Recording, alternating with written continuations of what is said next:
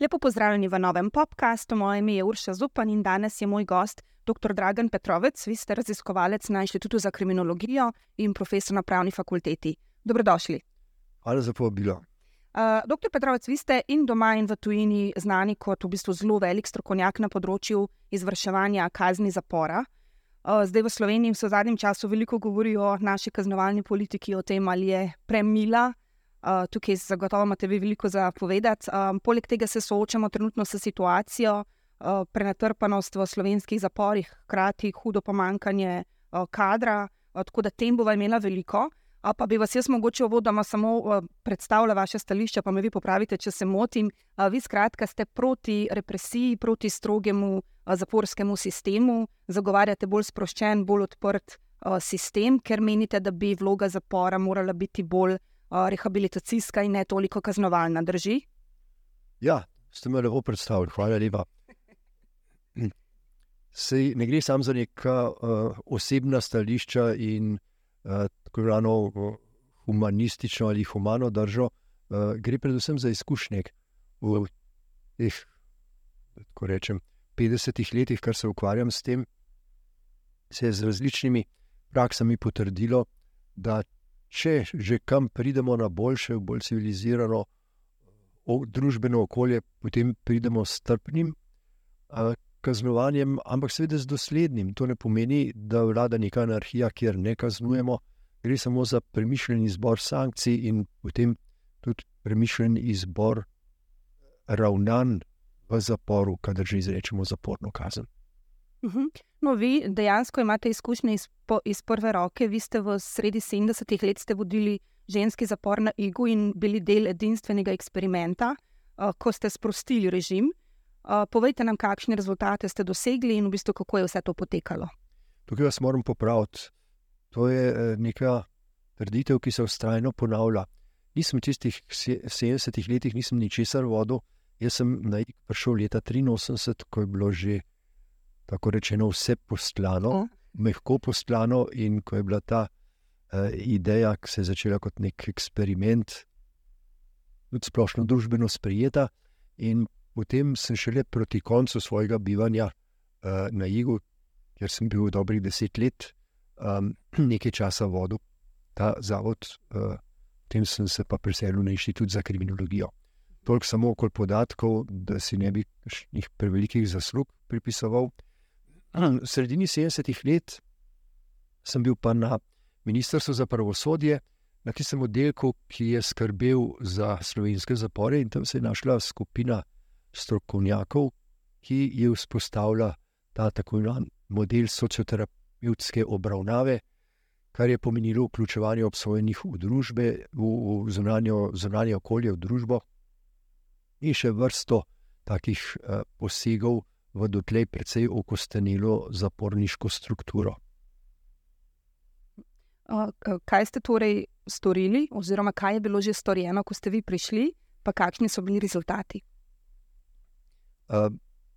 presenetljivi.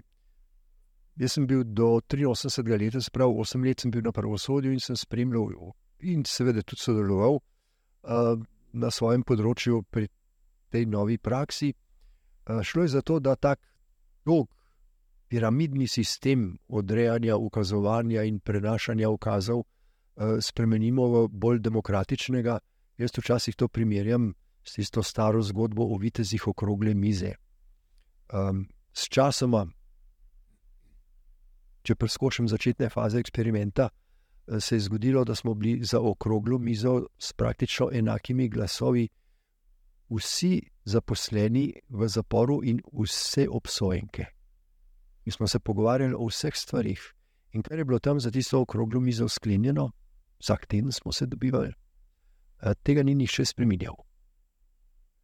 Um, to je bila igra z odprtimi kartami, in sčasoma se je zgodilo to, da smo videli, da ne rabimo več zidov, ne rabimo uh, zaklepanja vseh vrat, ampak lahko odpremo vrata. In za 90 odstotkov obsojenk je to pomenilo odprt režim. Oziroma, To je pomenilo, da so vsak konec tedna, petek, šli domov in se vračali v nedeljo zvečer nazaj. Zlorab praktično ni bilo, zamujanja praktično ni bilo, in niti izvrševanja kaznivih dejanj na prostosti ni bilo. Pričemer je treba vedeti, da smo imeli vse vrste kaznivih dejanj, ker je bil to edini ženski zapor. Um, tisto, kar se morda čudno sliši, zelo hitro smo spuščali v odprti režim uh, ženske obsojene za najhujša kazniva dejanja. Uh, Morjuke, ker je bila večina takih, ki so vzele, kar seveda ni bilo prav, pravico v svoje roke in pokončale skrajno nasilne partnerje ali može. In tam ni bilo nobene nevarnosti, ne za ponovitev, ne za okolje, in celo okolica, ožja okolica jih je sprejela z naklonjenostjo, ker so seveda še enkrat poudarjam na povsem nespremljiv način, ampak so prevzele te ženske tudi breme, ki je težilo to ožje, ožje okolico. V tem je bil pa seveda eh, najbolj odmeven rezultat ta, da smo po nekem času merili povratništvo. Povratništvo je bilo v ostalih zavodih v prečju nekje med 50 in 60 odstotki, v tem zavodu pa samo 20. In predvsej tega smo si lahko pripisali na račun novega in drugačnega dela z obsojenimi. Hm. Zakaj se potem ta model ni obdržal? Hm, poskušali ste ga tudi prenesti na moške zapore, pa ni šlo. Zakaj ne? Je šlo, ampak v omejenem obsegu. Uh, ko je malo zašalo rečeno, z nas so se malo nočevali, pa so rekli, vam gor je lepo, pa enostavno z ženskami. Poskusite to v moških zaporih narediti. In potem smo zlahka še precej hitrejši, tudi na račun izkušenj, to dosegli v moškem zaporu v Kopru.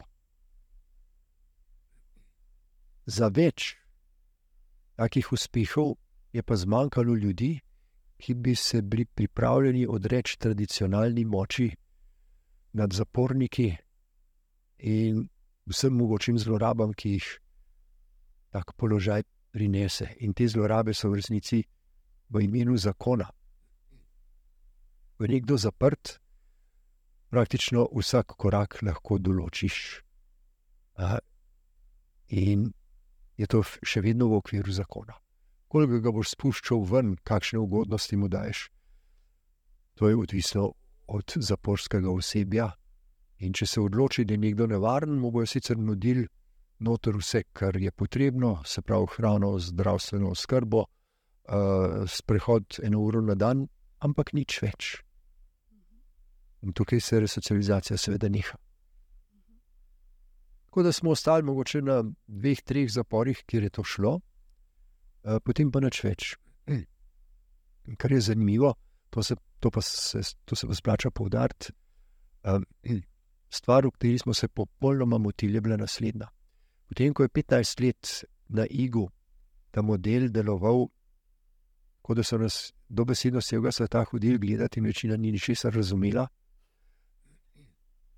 potem smo rekli, ne mogoče je, da bi se zmenjavo vodstva karkoli spremenilo, ker je cel kolektiv kot reka, ki teče v eno smer in ko stopiš, ne moš plavati proti toku. Tukaj smo se pa smotili. Ko je prišlo novo vodstvo, ki sicer ni bilo represivno, ampak ni imelo posebnega občutka za eh, ljudi in stiske in za tak uh, model temelječ na humanistični psihologiji in penologiji, se je zgodilo to, da se je polovica kolektiva takoj obrnila z veseljem v staro smer. Hm. In danes je X samo blida senca tistega, kar smo včasih vzpostavljali. Mhm. Kako težko vam je to gledati? Ja, to moji kolegi, ki tam delajo na Igu, seveda zdaj le toliko generacij že mimo, eh, tega ne slišijo prav radi. Ampak jaz večkrat rečem, da so od tistega našega iga, če ga tako poimenujemo, ostale samo še razvaline. Mm. Zdaj, a ne rekli ste, da se določeni, določeno osebje ni želelo odpovedati moči. Um, se pravi, je nekaj na tem Zimbardovem eksperimentu, da je človeku moč, pa boš videl njegov pravi obraz. O, seveda. Seveda, in kar je najbolj zanimivo v se je ujel tudi Zimbardo, uh Mhm. -huh. sam kot vodja eksperimenta. Uh, vidim, da vam je to poznano. ja, ker smo že enkrat govorili o tem. Ja. To je taka skušnjava, ki se jim marsikdo uh, težko upre, in uh, oblast je nedvomno najmočnejša droga. Zato večkrat citiram tega komunističnega psihologa Maslova, uh, ki je rekel: Zdravi ljudje nimajo radi oblasti nad drugimi ljudmi. Tem jaz vedno dodam, da si je dobro, sem pa tja zmerti cukor v krvi.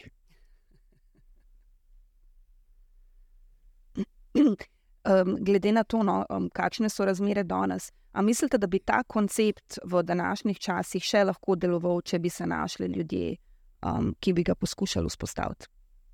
Bistveno težje. Zaradi tega, ker smo uh, 91. leta svobode in samostojno Slovenijo začeli izgubljati socialno državo. In ta koncept je izrazito vezan na socialno državo.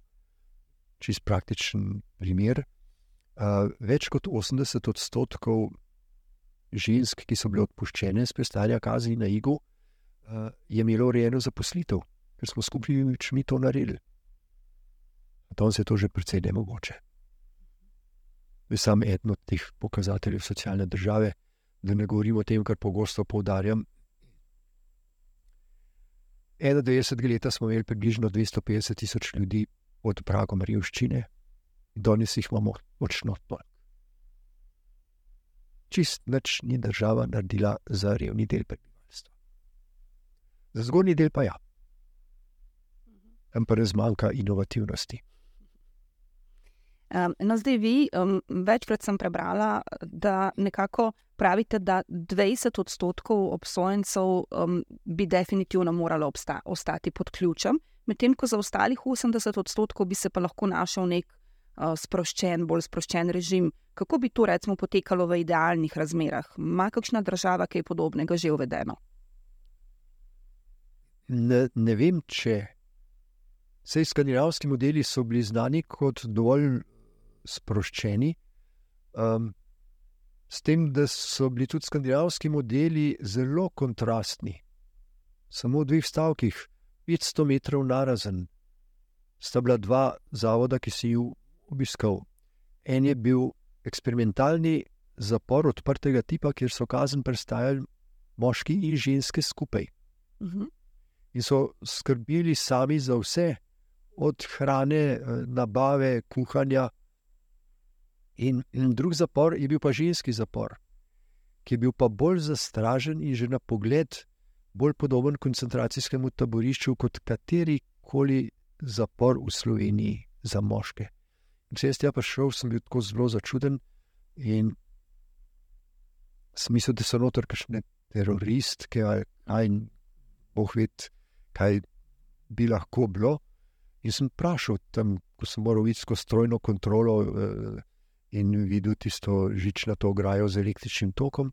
In so tako preplašeno gledali vame, kaj sprašujem. A, a ne vem, so rekli, a ne veste, da ste prišli v zapor. Potem sem seveda ostal brez besed in se poskušal privaditi temu, kar sem videl, in pozabiti tisto, kar sem videl 500 metrov pred pol ure v drugi smeri. Danes bi bilo to predvsem iz tega razloga, ker imamo samo še ostanke socialne države, zelo težko izvesti, bi se dalo pa več. S tem, da časi so se spremenili na škodo te populacije na ta način, da imamo velik segment obsojenih vse obeh spolov, ki se ukvarja z drogo oziroma je odvisen od droge. Mhm. Tukaj mora biti pa režim drugačen. Uh -huh. In tukaj zaenkrat ne znamo spostaviti režima, ki ne bi bil strašno nadzorovalen. Tukaj odprti sistemi ne prijo poštev, še v zaprtem sistemu pridejo do droge Uh -huh. brez večjih sitnosti um, in odvisno od stopnje te populacije, Uh -huh. je tudi koliko si lahko prvošmo ta odprt režim.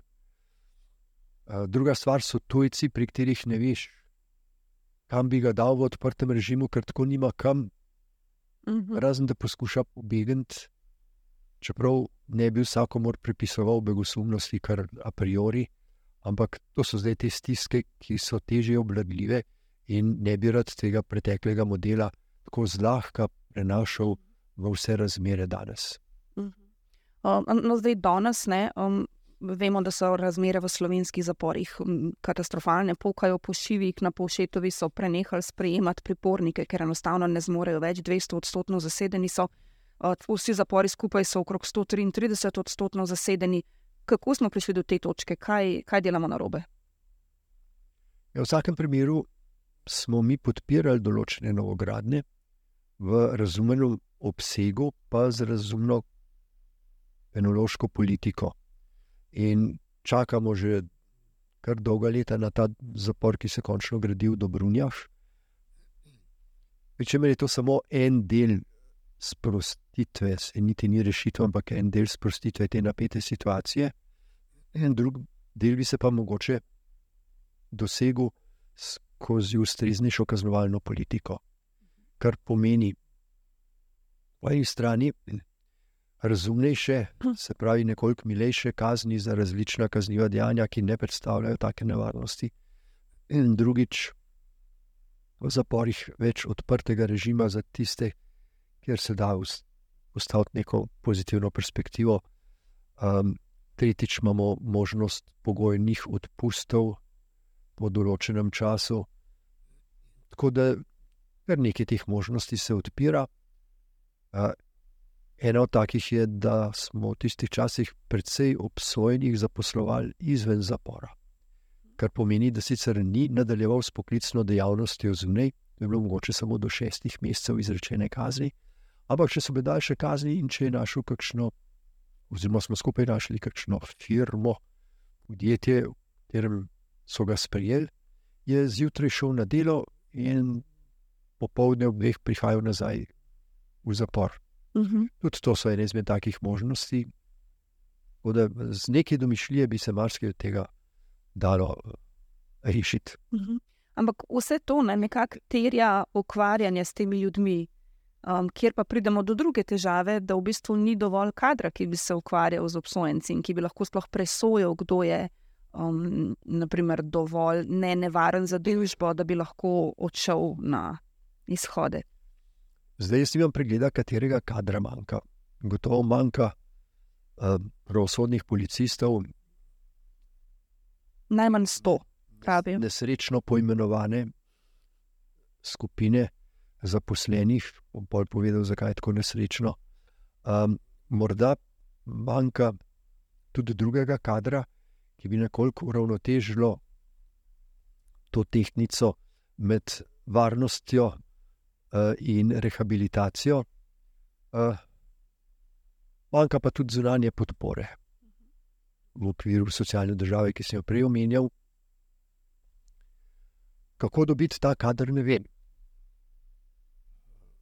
Razmere niso privlačne. In če pomislim, koliko dobrega kadra smo imeli v svojih časih, tako imenovane pazniške službe, kjer so ljudje z družboslovno izobrazbo, recimo z pedagogike, socialne pedagogike, podobnih poklicev, a, socialne šole, dobili zaposlitev v zaporih. Zdaj, ko govorijo pa o pravosodnih policistih, je pa to popoln zasuk v miselnosti. In zato moram citirati najprej neka minimalna pravila o ravnanju z zaprtimi osebami, tam iz 50-ih let, OZN, ki so že takrat opozorila, da ljudje iz vojske in iz policije niso primerni za delo v zaporu. Uh -huh. In tukaj ne gre za nek rasizem, kot ugovarjajo užaljeno, gre za popolnoma jasno zavedanje, da nekdo, ki je policist in ki raziskuje zločine in ki vsak dan vidi kri, če sem nekoliko patetičen, ko pride v zapor, ne zmore v človeku iskati tistih potencijalov, na katerih se mogoče da graditi nekaj rehabilitacije. on vidi kri in občuti maščevanje. In 99% ljudi z mano vred, ki bi delali v policiji, bi imeli hude težave preklopiti v popolnoma drugačno perspektivo. In ker je beseda paznik tako nekako slabšalna, smo izumljali vse mogoče besede, ki bi ta izraz nadomestile. In potem je en preteklih pokojni ministr za pravosodje nekje v tujini slišal izraz, ki ga je prevedel, in smo iz tega dobili pravosodne policiste, kar je zapečatilo usodo um, tega poklica na ta način, da vedno bolj postajajo policist, podobni policistom in vedno manj ljudem, ki bi se morali ukvarjati tudi s čim drugim in ne samo z varnostjo. En tipičen dokaz, ki sem ga zbiral nekaj časa, so fotografije uklenjenih oseb. Jaz sem zbiral izključno ženske. Ne vem, zakaj morajo pravosodni policisti in policistke uklepati ženske, ki absolutno niso nikomor niti bile nevarne. Nek te so zdaj, ko prestajajo kazen nevarne in ko ne more biti nevarne tudi zaradi fizičnih sposobnosti. Zakaj uklent 60 let staro ženico, ki tehta 45 kg? Zakaj mlado punco enakih telesnih dimenzij? In zakaj bom kar z imenom povedal, zakaj Hildo Tovšak, ki je seveda dobila visoko zaporno kazen, moj zakaj je treba uklepati? Razen zato, da pokažemo svojo moč in upravičimo svojo funkcijo in ime policist, pravosodni policist, in po zgledu ameriške policije, ki uklepa vse po vrsti od otrok naprej do predsedniških kandidatov, francoskih, če se spomnimo enega takih, Dominik Štroskan, ki je zaradi domnevnega nadlegovanja um, neke sobarice odkorakal vsem nočih z lisicami na rokah. To je nek zgled, ki ga še daš bivši ustavni sodnik dajal kot primer, da so vsi enaki pred zakonom. Se pravi, vse po vrsti je treba tepsti in poniževati, v tem bo pa dosežen občutek pravičnosti, morda celo dejanska pravičnost. Mm. Se pravi, tukaj gre za to mentaliteto nomanest omen, ne v bistvu. Ja, se strinjam. Mm -hmm. um, povejte mi to, ne? zdaj eden od predlogov um, z gospodom Verkom sem govorila pred kratkim za pomankanje kadra oziroma za rešitev, naj bi bil, da bi uh, pomagali pravosodnim policistom policisti. Torej, da bi delali nekakšne kombinacije, verjetno najbolj pri spremstvih, ki zdaj najbolj odpadajo na račun kadrovskega manjka. Kako mislite, da bi to šlo? Zdaj, menda, da predlog je pri policiji oziroma MNZ-ju naletel na neodobravanje, ampak to bi bilo spet pol, po vašem mnenju, nekaj ne ravno pozitivnega, verjetno. Morda bi policisti, pravi policisti, uh, bili manj trdi od pravosodnih. Čeprav uh, ne bi rad posploševal ali pa uh, koga preveč na trdo kritiziral. Um, to seveda ni rešitev, bojim se pa, da kakšne boljše v tem trenutku ni, ker je ta klima že tako zavožena, uh, da se zdi to edina rešitev. Um, popolnoma pa razumem, da so policisti sami že preveč obremenjeni, da bi z veseljem prevzemali še zaporske naloge. Uh -huh. Um, zdaj, pravosodni policisti, po nekaterih podatkih, naj bi jih manjkalo najmanj 100. Tisti, ki so, so obremenjeni, um, odhajajo na bolniške, delajo nadure. V bistvu, ki bi lahko še najdli neko rešitev za trenutno stanje? Uh, Nekateri stvari jaz ne razumem. Delno jih razumem, uh, glavnine pa ne. In sicer naslednje situacije.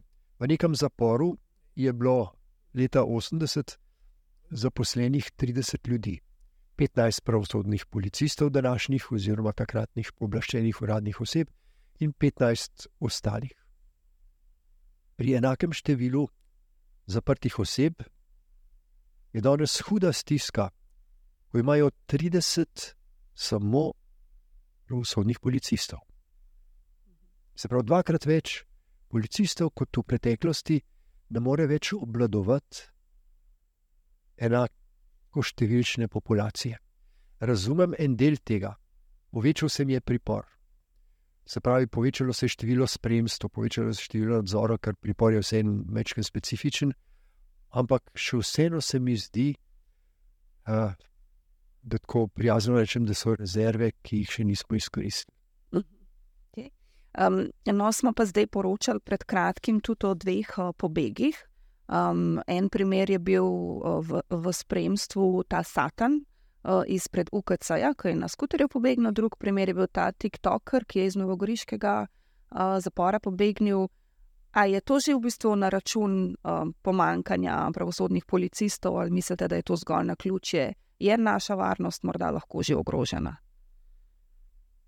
Naša varnost ni posebej ogrožena zaradi tega. Um, če imamo 50% povratnikov, pomeni, da smo enako ogroženi uh, tudi strani tistih, ki še nikoli niso več zagrešili. V konkretnem primeru se spominjam samo tega ljubljanskega pobega, kolikor sem pač iz medijev zasledoval. Tukaj mislim, da težko kaj očitamo pravosodnemu policistu, ki ga je spremljal, ker če sem, si, ker če sem si prav zapomnil, je ta zapornik že imel ugodnosti, tudi prostih izhodov, se pravi, ena dovolj utemeljena stopnja zaupanja je obstajala, v nekem trenutku je pač to zlorabil in izkoristil. Ocena zapora, ki se vedno izdela, predem gre nekdo v spremstvo, je očitno temeljila na tem že do takrat potrjenem zaupanju. Tako da tukaj ne bi jaz razsodil policistu ničesar očital. Za tisti pobeg iz Nove Gorice, pa, ne, tam pa nimam nobenih podatkov v glavi, da bi lahko ocenil. Težko reči. No, o tem v bistvu zaupanju, ne, obsojenec in pravosodni policist, smo mi dva že enkrat govorili. Ne. V bistvu vi, vaš sistem, pravite, bi temeljil na tem, na zaupanju. Ne. Tudi takrat, ko ste na IGU to vzpostavljali, je bilo tako, vrata so odprta, jaz ti odprem vrata, ti boš pa prišel nazaj. Ne? To je to medsebojno zaupanje. Um, a bi se danes lahko še šli to? Absolutno. Je pa res, da tudi mi nismo odprli vrat. Uh, naslednjega dne, ko smo si zamislili to novo prakso, mi smo to uspeli narediti v dveh letih. In potem smo zdržali tistih dodatnih 15 let z odprtimi vrati. Mhm. Ampak najprej je treba pripraviti na to osebje. Um, Nekateri so takoj dali odpoved. Ko sem jaz prišel po 20 letih enkrat na IK, in sem en izmed tam zaposlenih povedal, kako je bilo to včasih, je samo tako strmo gledala in je rekla, če bi bilo to danes tukaj, jaz takoj dam odpoved. Res. Se pravi, strah ali kaj? Ne vem, kaj vse, ne bi rad česa pripisal, ampak neuzdržnost, da bi se ti z enim obsojen sem pogovarjal iz oči v oči in mu priznal kompetenco razumnega pogovora in vplivanja na svoje odločitve, ki jih seveda formalno nima, um, to je izguba moči nad človekom. Biti v zaporu, kjer ti lahko v oči obsojenc reče, da pa ni zadovoljen s odnosom do sebe, kakršen ga imaš, kar smo mi lahko slišali, smo morali biti pripravljeni poslušati tudi strani obsojencev, če jih je kaj motilo. Um, to je pa ne zaslišano ne? Mm. za mnoge ljudi, ne rečem za večino današnjega osebja. Um, zdaj, prej ste omenili, ne, da odvisnike ne bi bilo um, za sprostiti kar tako, ker pač obstaja nevarnost, da bi uh, spet zapadli v to svojo odvisnost. Um, kaj pa ne vem, morilci, bi jih kar spustili na prostost? Odvisno. Vsak umor je umor, specifična zgodba. In tista imena, ki se pojavljajo, drobec, plut in podobni, tam seveda imaš zadržan uh, nastop pri ugodnostih, to je popolnoma jasno. Ampak to so ljudje, ki se pojavljajo enkrat na toliko in toliko desetletij, in po njih oblikovati uh, politiko, bodi si kaznovalno, bodi si uh, zaporniško, je zgrešeno. Um, ponavljam, vsak umor je zgodba zase, in mi smo tri četrt, če ne še več, morilk brez težav spustili v najkrajšem času v odprt režim, brez nevarnosti. Kaj pa ta tveganja, ki se pojavljajo? Vsi, ne, lahko se zgodi samo enkrat, pa je že tiste enkrat preveč. Aha, eh, ko ga enkrat spustiš in enkrat zagreši. Ja, ocenili smo, ženska, ki je 20 let trpela uh, uh, pod nasilnim možem, ne bo potovkla nikogar več. Uh, moškemu se bo na žalost ali pa na srečo izognila že nadaleč. Uh, to je bila edina njena stiska, okolje jo je sprijelo. Uh, praktično ni nevarnosti, in tudi v teh preteklih uh, desetletjih se ne spominjam niti enega primera, kjer bi se to zgodilo. Uh mhm. -huh. Dobro. Zdaj uh, v Sloveniji vsakih pet let merite klimo v zaporih. Um, vam bom prebrala pismo, del pisma obsojencev iz Maribora, v katerem pišejo, da živijo v nehumanih razmerah, da so iz fitne sobe naredili sobo za deset ljudi, ki je vlažna in plesniva, da morajo zaradi prostorske stiske jesti v stoje in se tuširajo samo dvakrat tedensko. Ko damo prati oblačila, se ta iz pralnice vrnejo mokra, nikjer jih ne moremo posušiti. Odeja oziroma deka se sploh ne menja ali pere, menja se enkrat na leto in tudi te so raztrgane, vzmetnice so kot bi spali na tleh, kar luknje so v njih. Pretiravanje ali realnost, kaj pravijo vaše raziskave? Ja, te raziskave se, bom rekel, delno na žalost, ne ukvarjajo s temi problemi. To so problemi, ki jih je treba reševati takoj, sprot, iz dneva v dan, ne pa enkrat na pet let, kot mi delamo z nekimi drobnimi izjavami, take raziskave. In to so hm, stvari, ki morajo priti najprej pred inšpekcije, če se jih ne da v zavodu rešiti, pred inšpekcije Ministrstva za pravosodje, konec koncev pred varuha za človekovih pravic, in tam se to rešuje. In rešuje se takoj, kar koli se le da.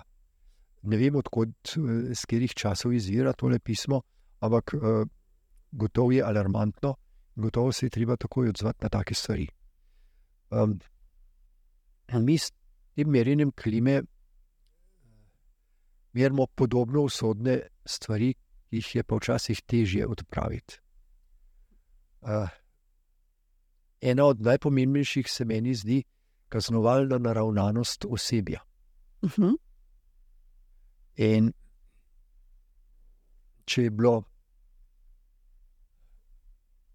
takrat v času najboljše klime, v najboljšem zaporu, da ga tako poimenujem, če je to kaznovalno naravnanost pokazalo, ko nadpoprečno 20 odstotkov zaposlenih, uh, je ta procent danes marsikaj že obrnen. Tako je danes. In tukaj se s tem procentom obratno sorazmerno zmanjšuje rehabilitacijska usmerjenost. Se pravi, zapor je zaradi kazni, ne zato, da bi se mi trudili koga poboljšati. Ali se jih ne da, ali to ni naša naloga. Zapor je varnostni mehanizem, zato da so ljudje zunaj, da pošteni, domnevno pošteni, varni. Uh mhm. -huh. To je po mojem občutku um, ena najpomembnejših in tudi najbolj usodnih in žalostnih ugotovitev, ki se potrjuje iz petletke v petletko, vse, vse bolj. In potem je še en tak močan element, za katerega sem si pa jaz v zadnji raziskavi, kjer sem sodeloval, prizadeval, da pride kar da opazno mesto. In to je odnos osebja do ljudi, ki so izvajali raziskavo. In tukaj se je pokazalo toliko manipulacij, toliko žaljivega odnosa, da se potem vprašaš, kako se šele obnašajo do obsojenih, če se tako obnašajo do nas in do mladih kolegov in kolegic, ki so izvajali ankete. To se mi je zdelo morda še posebej zaskrbljujoče. Mhm. Pa se da um, s pomočjo teh raziskav um, iskati kakšne rešitve, je kdo naklonjen, sploh posluša kdo to? Bojim se, da ne. To so raziskave, ki jim prisluhnejo, potem jih pa spravijo v predal, skrbno zaklenejo in se svet vrti dalje naprej. Ampak so. So. Dobro. Um, zdaj, omenili ste najprej poštene ljudi, pa um, obsojence, ki, so, ki morajo biti za, za pahi, ker so storili kaznivo dejanje. Um, pred kratkim je um, nekako se Slovenija razdelila, um, oziroma imela kar močno um, mnenje o tem, da je bila izrečena zaporna kazen za spolni napad premila, um, tri leta in deset mesecev zapora. Um, zdaj, vi se verjetno s tem ne bi strinjali, um, a, a je nasplošno kaznovalna politika v Sloveniji premila, če pustiva ob strani ta primer. Za hip se ga bom vsem dotaknil in ob tem povedal, da edino pravilno bi bilo, da ob tem ne morem in ne smem imeti svojega mnenja. Mhm. Ker gre za postopek, ki ni javen, in za okoliščine, ki jih, kolikor jih oškodovani niso že sami predstavljali javnosti, niso znane in ne smejo biti znane. Tako da so te demonstracije, ki se sem pa tja pojavljajo v različnih primerih, spomnimo se jih tudi iz nekega drugega primera, koroških dečkov, kjer so bile ravno tako organizirane demonstracije v resnici ne vemo in ne smemo vedeti, zakaj je kazen taka. Tisto, kar pa, na kar se pa lahko opremo, je pa raziskava, ki smo jo naredili in ki kaže na občasna odstopanja v razumnem kaznovanju pri spolnih kaznjivih dejanjih. Uh -huh. um, tukaj je zdaj težko priporočiti kaj drugega kot temu rečemo včasih tako imenovane sodniške šole. Se pravi, posvetovanja o tem, kakšne okoliščine naj vplivajo na kakšno kazen.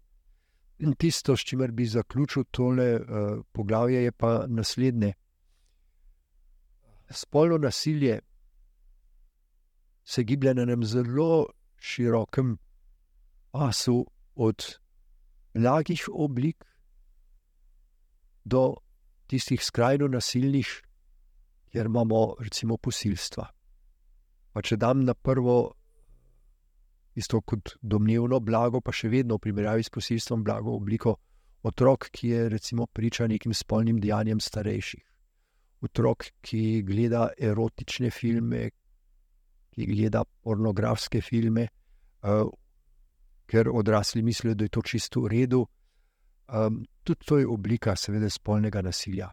Ampak, če primerjamo s kakšnimi drugimi, je to na spodnji meji, kjer bi izrekli, recimo, zaporno kazen. In jaz, seveda, ne vem, kaj se je tukaj dogajalo, je bila izrečena tri leta in zakaj se javnosti to zdi malo. Um, in to je treba pač prepustiti, kar se sicer za marsikoga sliši tako nedopustno ampak prepustite treba uh, sodnim postopkom. Na tako kazen se da izreči pritožba, če bo više sodišče ugotovilo napake, pomankljivosti, bo dalo ponovno presojo, lahko bo samo odredilo kaj drugega. Tako da tukaj je treba biti zadržan, preden greš v demonstracije. Zdaj, verjetno je težek odgovor na vprašanje, kaj sploh je pravična kazen. Zdaj, če si ti svoj žrtve, verjetno bi najraje šel oko za oko. No, naprimer, meni osebno je bil en tak zanimiv primer film Dead Man Walking, ne, kjer je v bistvu oče zadoščenje čutil, ko je pač morilec umrl, oziroma pač ko je dočakal smrt. Justice is done. Tako, zdaj, Takrat v tistem prizoru. tako, a pa je res tako, ne? A, a gre to po načinu oko za oko? Mislim, da ste najbolj začeli tole vprašanje s tem, da odvisno, kakšni vlogi smo. Za žrtev ni nobena kazen, razen v redkih primerih, ko zmore odpuščanje. Pa tudi ne vemo, zakaj in kaj vsebuje to odpuščanje, ampak recimo, nobena kazen ni dovolj stroga. Za tiste okol žrtve, usredno prizadete, ravno tako ne. Potem imamo toživca, ki bo praviloma zagovarjal visoko kazen, in ker se jaz skoraj da ne spomnim primera, ko bi uporabil zakonsko pooblastilo in se pretožil, pritožil zoper previsoko kazen. Kaj ti tožilc lahko naredi tudi to? Potem imamo javnost, ki je tako razcepljena. In potem imamo obsojenca, ki mu je praviloma vsaka kazen prehuda. Razen tudi redkih primerov, ko ponosno sprejme breme na sebe in ga prenaša, dokler je zaukazano. In potem imamo na koncu še sodnika. In za sodnikom imamo še više sodišče. V nekih primerih potem še inštitucije, ki lahko spremenijo kazen, umilijo, pomilostijo. Tako da tukaj sem jim grede naštevene šest zornih kotov Mm. pravične kazni. Pravi, ni enotnega odgovora. Tako je. Ja. Uh, No, so pa ne, raziskave, kažejo, da tudi više kazni in bolj strogi, rigidni uh, sistemi dejansko ne zmanjšujejo povratništva. Seveda ne. Uh, tisto, kar najbolj vpliva, če že govorimo o kazni, je zelo hiter odziv, se pravi, dosleden odziv, pa ne prestrog. Ampak storilec mora vedeti, da ne bo šel v kazni. Jaz sem včasih to naslikal z eno zelo elementarno prispodobo. Če bi vedel, da vedno, ko prekoračim hitrost, kot šofer, da gre en evro z mojega računa. Brez izjeme, recimo, da je en radar bdi nad menoj, je en evro seveda zelo prizanesljiva kazen. Ampak ker je dosledna in ji ne morem pobegati, bi iz mene in še iz večine ljudi naredila vzorne voznike.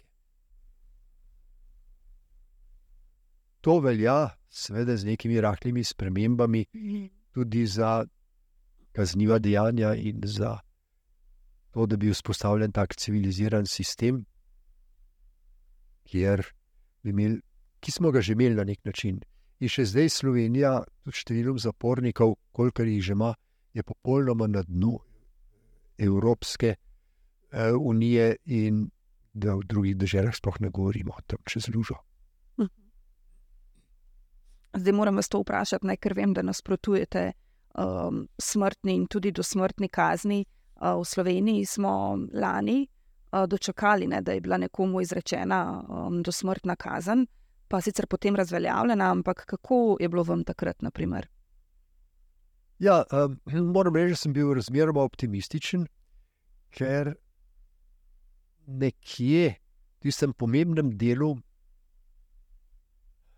sodne oblasti le prevlada občutek, da smo dolga leta zmogli ne samo brez dosmrtnega zapora. Dolga leta, skoraj pol stoletja, smo zmogli z 20 leti kot najvišjo kazen, kaznijo. Zdaj smo se nekako navadili na 30 let, jaz sem tudi proti 30-letni kazni. Um, Tako da sem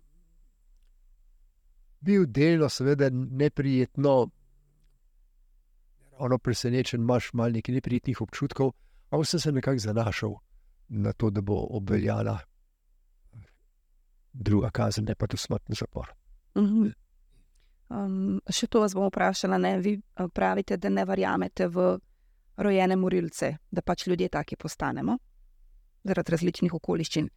A verjamete v to, da se da vsakega človeka rehabilitirati na pravi način? Nikakor. Nikakor. So ljudje, ki se jih ne da rehabilitirati, problem je samo v tem, da ne vemo, kateri so. Kar pomeni, da skozi neko uh, penološko etiko ne smeš nikjer obupati. Če se ti še tako ne mogoče zdi, uh, moraš po svoji vesti narediti, kar se da, in potem še vedno lahko priznaš sebi in vsem ostalim, da nisi bil uspešen. Dej, ali zaradi tega, ker ne znaš dovolj, ker ne znamo dovolj, ali zaradi tega, ker se določenih ljudi pač ne da prilagoditi. Dobro, tako lep zaključek. Uh, vprašala vas bom še to, um, blazno ste nas zabavali s svojimi kratkimi uh, zgodbami v svojih literarnih uh, delih. Um, ali nam v kratkem predstavljate še kaj podobnega, uh, da bomo prebrali vaše izkušnje še bolj na duhovit način, da ne bo tako vse? Uh. Je to slutno, ali ste že kaj izvedeli? Ne, noč ne vem, poprašam. Tretji del autobiografije se pripravlja. O, super. to bo v čujem, najkasneje nekaj mesecih. Aha, super, se veselimo. Ja, po takih težkih temah mora človek najti drugi pol sebe, in z avto ironijo, samo ironijo, uh, malo olajšati dušo. Uh -huh. A bi rekla, da je to tudi en način, v bistvu, nekako filtriranja stvari, s katerimi se soočate v karieri? Mogoče. To je stranski učinek tega tudi to. Uh, ne vem, če sem začel pisati ravno iz teh uh, čistilnih razlogov, -huh. ampak uh, stranski učinek tega je gotovo. Doktor Petrovac, hvala, ker ste bili moj gost. Hvala za vsa pojasnila in odgovore. Hvala za prijazno spremljanje in vse dobro tudi vam. Hvala. Hvala tudi vam, spremljate nas še naprej na 24.com. Pushing in buying a